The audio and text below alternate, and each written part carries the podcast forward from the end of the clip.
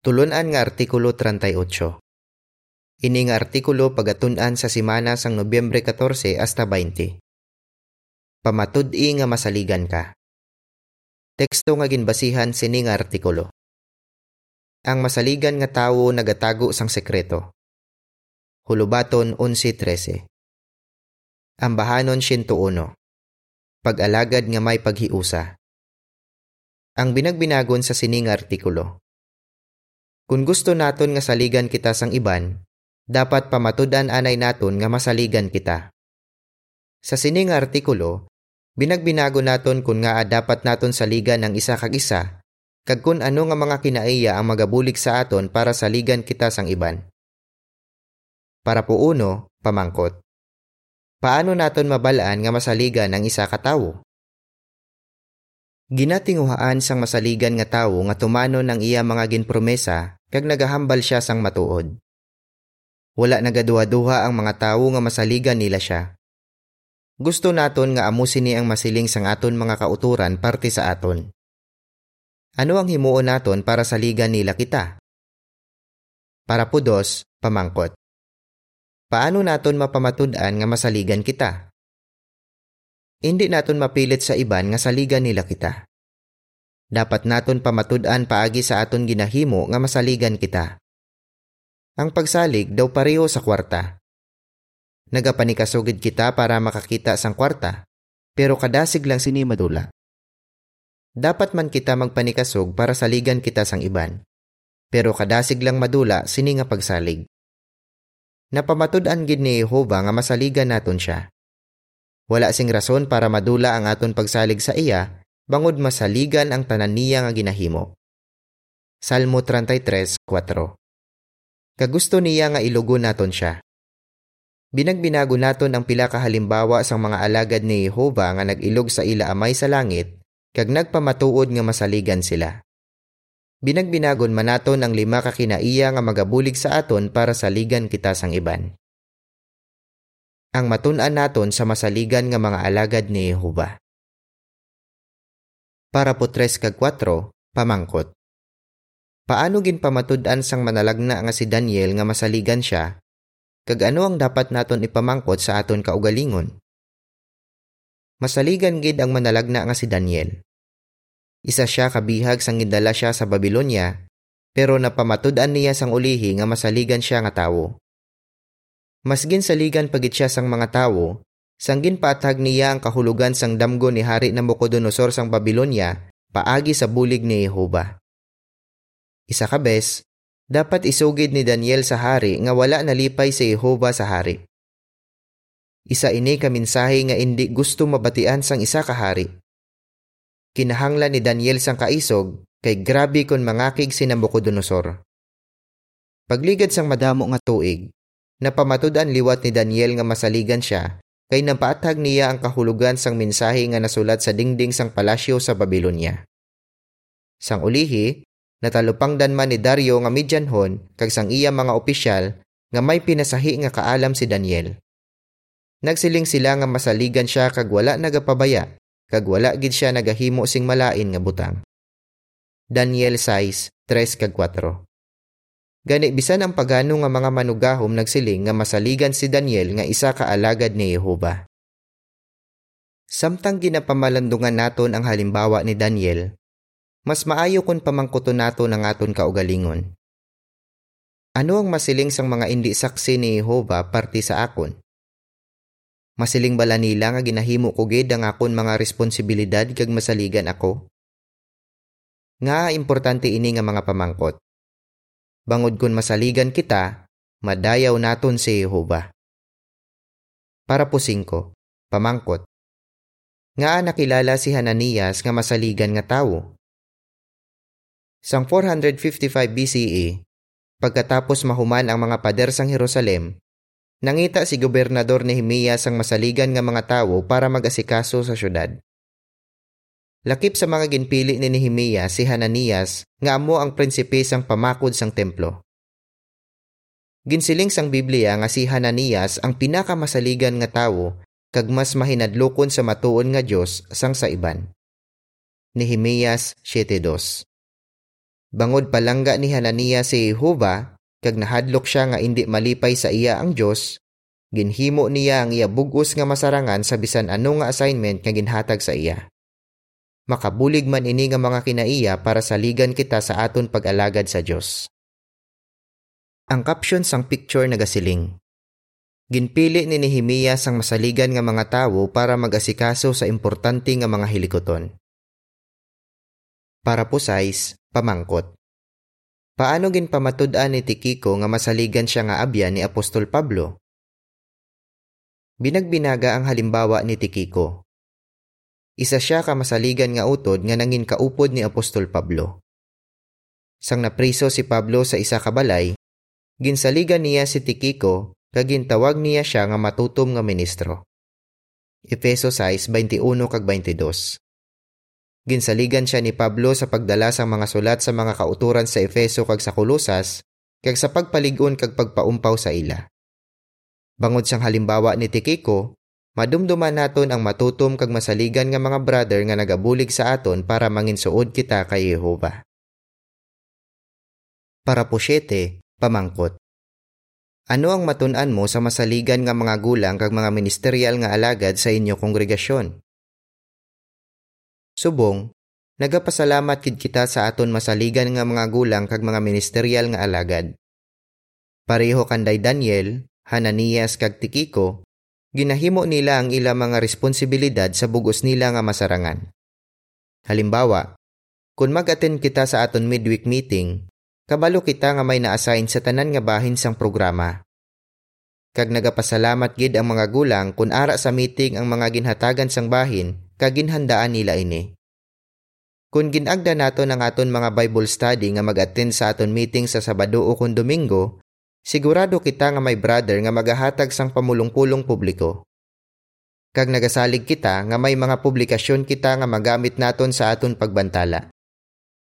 Nagapasalamat kita kay Jehova kay wala gid kita ginapabayan sining matutom nga mga brother.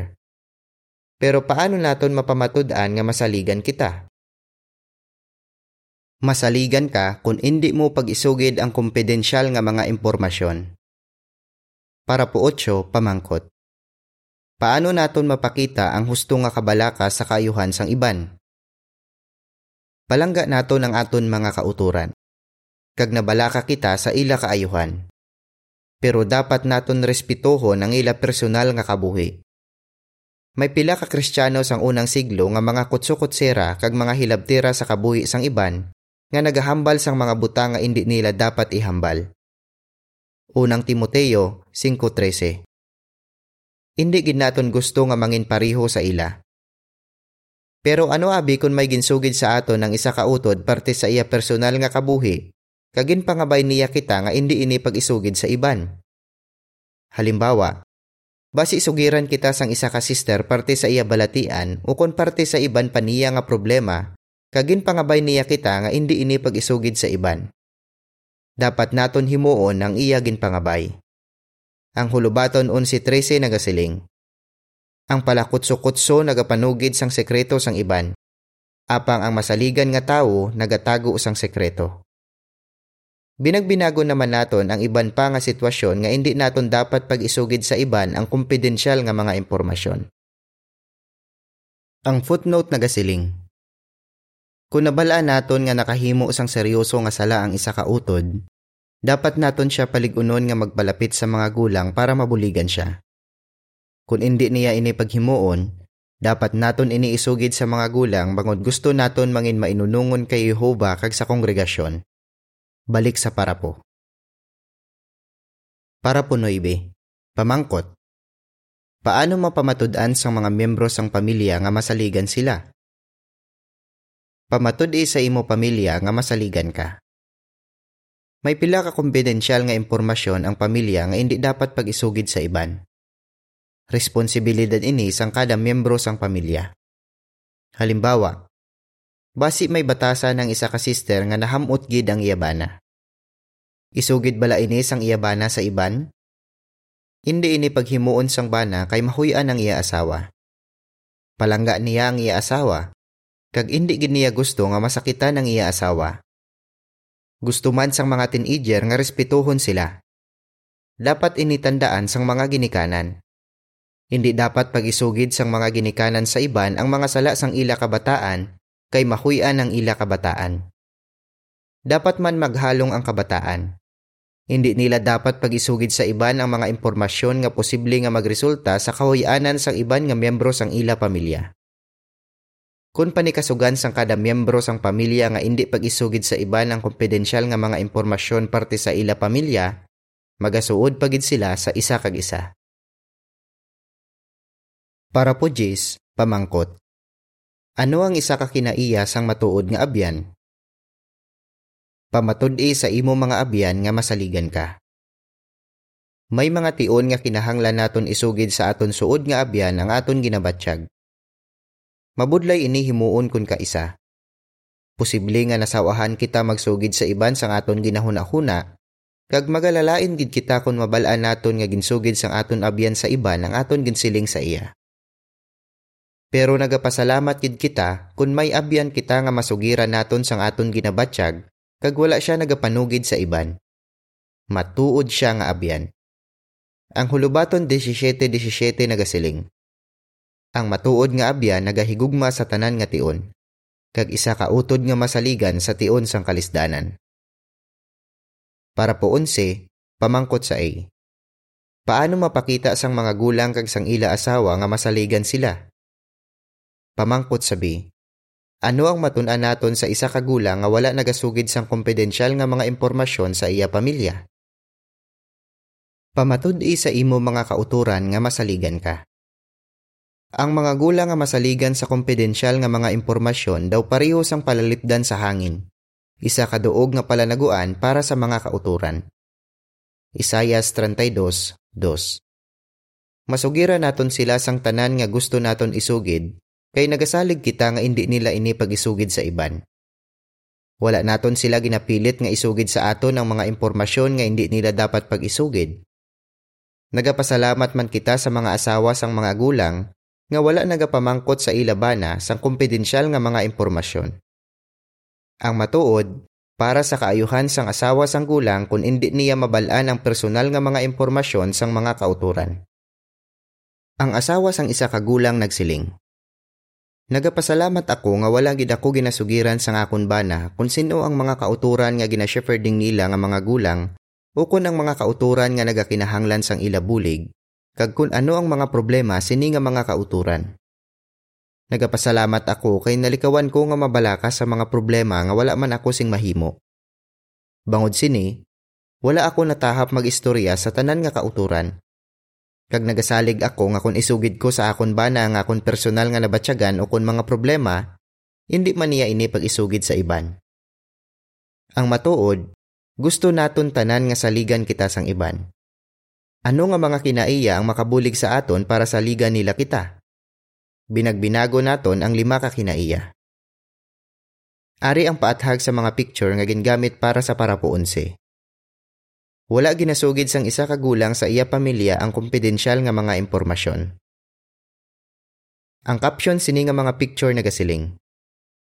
Wala ginasugid sang mga gulang sa ila pamilya ang kompedensyal nga mga impormasyon. Ang mga kinaiya nga magabulig sa imo para saligan ka sang iban. Para po 12. Ipaathag kun nga ang gugma amo ang pinakaimportante nga kinaiya para saligan kita sang iban. Ang gugma, amo ang pinakaimportante nga kinaiya para saligan kita sang iban. Nagsiling si Jesus nga dapat naton higugmaon sa Jehova kag ang aton isig katawo. Ginsiling niya nga amo ini ang duha ka pinakaimportante nga mga sugo. Masaligan gid si Jehova kag gusto naton siya ilugon bangod sang aton gugma sa iya. Ginailog naton siya kung ginarespeto naton ang personal nga kabuhi sang aton mga kauturan bangod sang aton gugma sa ila. Hindi gid naton pag-isugid sa iba ng impormasyon nga posible nga maghalit sa ila, makasakit sa ila, kung magresulta sa ila kahuyanan. Para po 13, pamangkot. Kung mapainubuson kita, paano ini makabulig sa aton para saligan kita sang iban? Saligan kita sang iban kung mapainubuson kita. Wala ginatinguhaan sang mapainubuson nga alagad ni Jehova nga siya gid ang una nga magsugid sang isa ka impormasyon para dayawon siya sang iban. Wala niya ginapabatyag sa iban nga labaw siya sang sa ila kay may nabalaan siya nga mga impormasyon pero hindi niya ini pwede isugid sa ila. Kung mapainubuson kita, wala man naton ginapanugid sugid ang aton personal nga opinyon sa mga topiko nga wala ginabinagbinag sa Biblia ukon sa aton mga publikasyon nga nabase sa Biblia. Para po 14. Pamangkot. Paano makabulig sa aton ng paghangop para saligan kita sang iban? Makabulig sa aton ng paghangop para mabalaan naton ang tion sa paghipos kag tion sa paghambal. Manugwali 3.7 Sa iban nga pungsod, kinaandan mabatian ang pareho sa sini nga ekspresyon. Kung ang paghambal isa kapilak, bulawa naman ang paghipos. Buot silingon, may mga tion nga mas maayo nga maghipos na lang sang sa maghambal. Amo ini ang rason kung nga nagsiling ang hulubaton 11-12. Ang tawo nga mahinang panon, nagahipos lang. Binagbinaga ang isa ka halimbawa.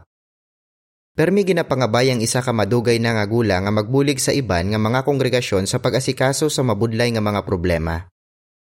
Amo ini ang ginsiling sang isa pa kagulang parte sa iya. Wala gid siya nagapanugid sang kompedensyal nga mga impormasyon parte sa iban nga mga kongregasyon. Ginpakita sang gulang nga may paghangop siya. Gani ginarespeto gid siya sang mga gulang nga kaupod niya sa kongregasyon. Sigurado sila nga hindi niya pagisugid sa iba ng ila kompedensyal nga mga impormasyon. Para po 15. Maghatag sing halimbawa nga nagapakita nga saligan kita sang iban kung bunayag o kung honest kita. Para saligan kita sang iban, dapat bunayag o kung honest man kita. Ginasaligan nato ng honest nga tawo kay kabalo kita nga permi siya nagasugid sang matuod. Halimbawa, ibutang ta nga gusto mo mag-uswag sa imo ikasarang sa pagtudlo. Gani gin pangabay mo ang isa ka utod nga pamatian ang imo bahin kag maghatag sang panugda kung paano mo pa ini mapauswag. Sino sa banta mo ang magasiling sang dapat mo gid nga pauswagon? Ang utod bala nga nagahambal sang gusto mo lang mabatian? O kung ang utod nga mainayuhon nga nagahambal sang matuod? Kabalo ka na sang sabat. Ang Biblia nagasiling. Mas maayo ang dayag nga pagsabdong sang sa ginatago nga gugma. Ang matutom nga abyan nagasabdong bisan pa makasakit ini sa balatyagon. Hulubaton 27, 5 kag 6. Sa primero, basi masakitan ka sa mga panugda sang imo honest nga abyan pero amugid ini ang makabulig sa imo para mag-uswag ka sa ulihi. Para po 16, pamangkot. Suno sa hulubaton 10-19, nga importante gid ang pagpugong sa kaugalingon. Importante gid ang pagpugong sa kaugalingon para saligan kita sang iban.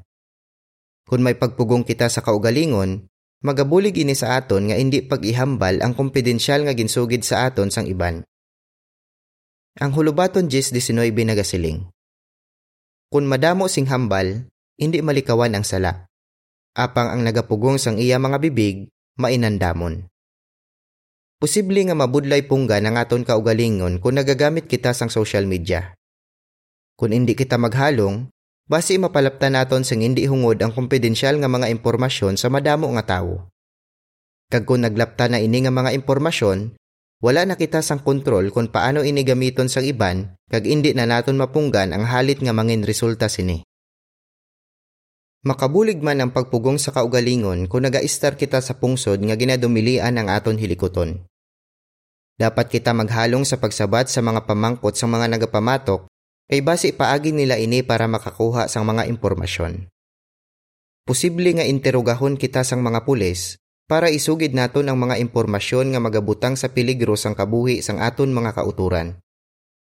Sa sini nga mga sitwasyon, dapat gid kita maghipos. Kung himuon naton ini, daw pareho lang nga ginabusalan naton ang aton baba. Salmo 39:1. Dapat naton pamatud-an nga masaligan kita sang tanan, lakip na sang aton pamilya, mga abyan kag mga kauturan.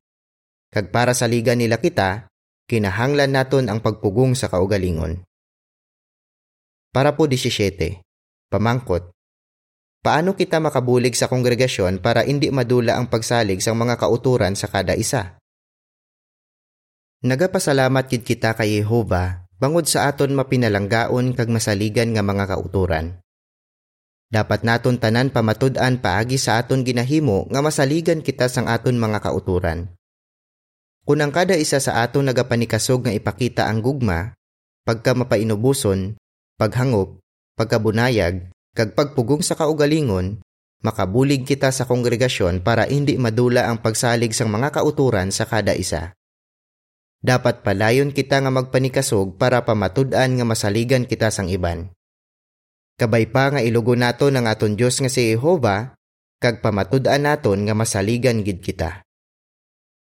Ano ang imo sabat? Ano ang matun-an naton sa halimbawa sang masaligan nga mga alagad sang Dios nga mabasa sa Biblia? Sa ano nga mga sitwasyon mapamatud-an mo nga masaligan ka sang iban? Ano nga mga kinaiya ang magabulig sa aton para saligan kita sang iban?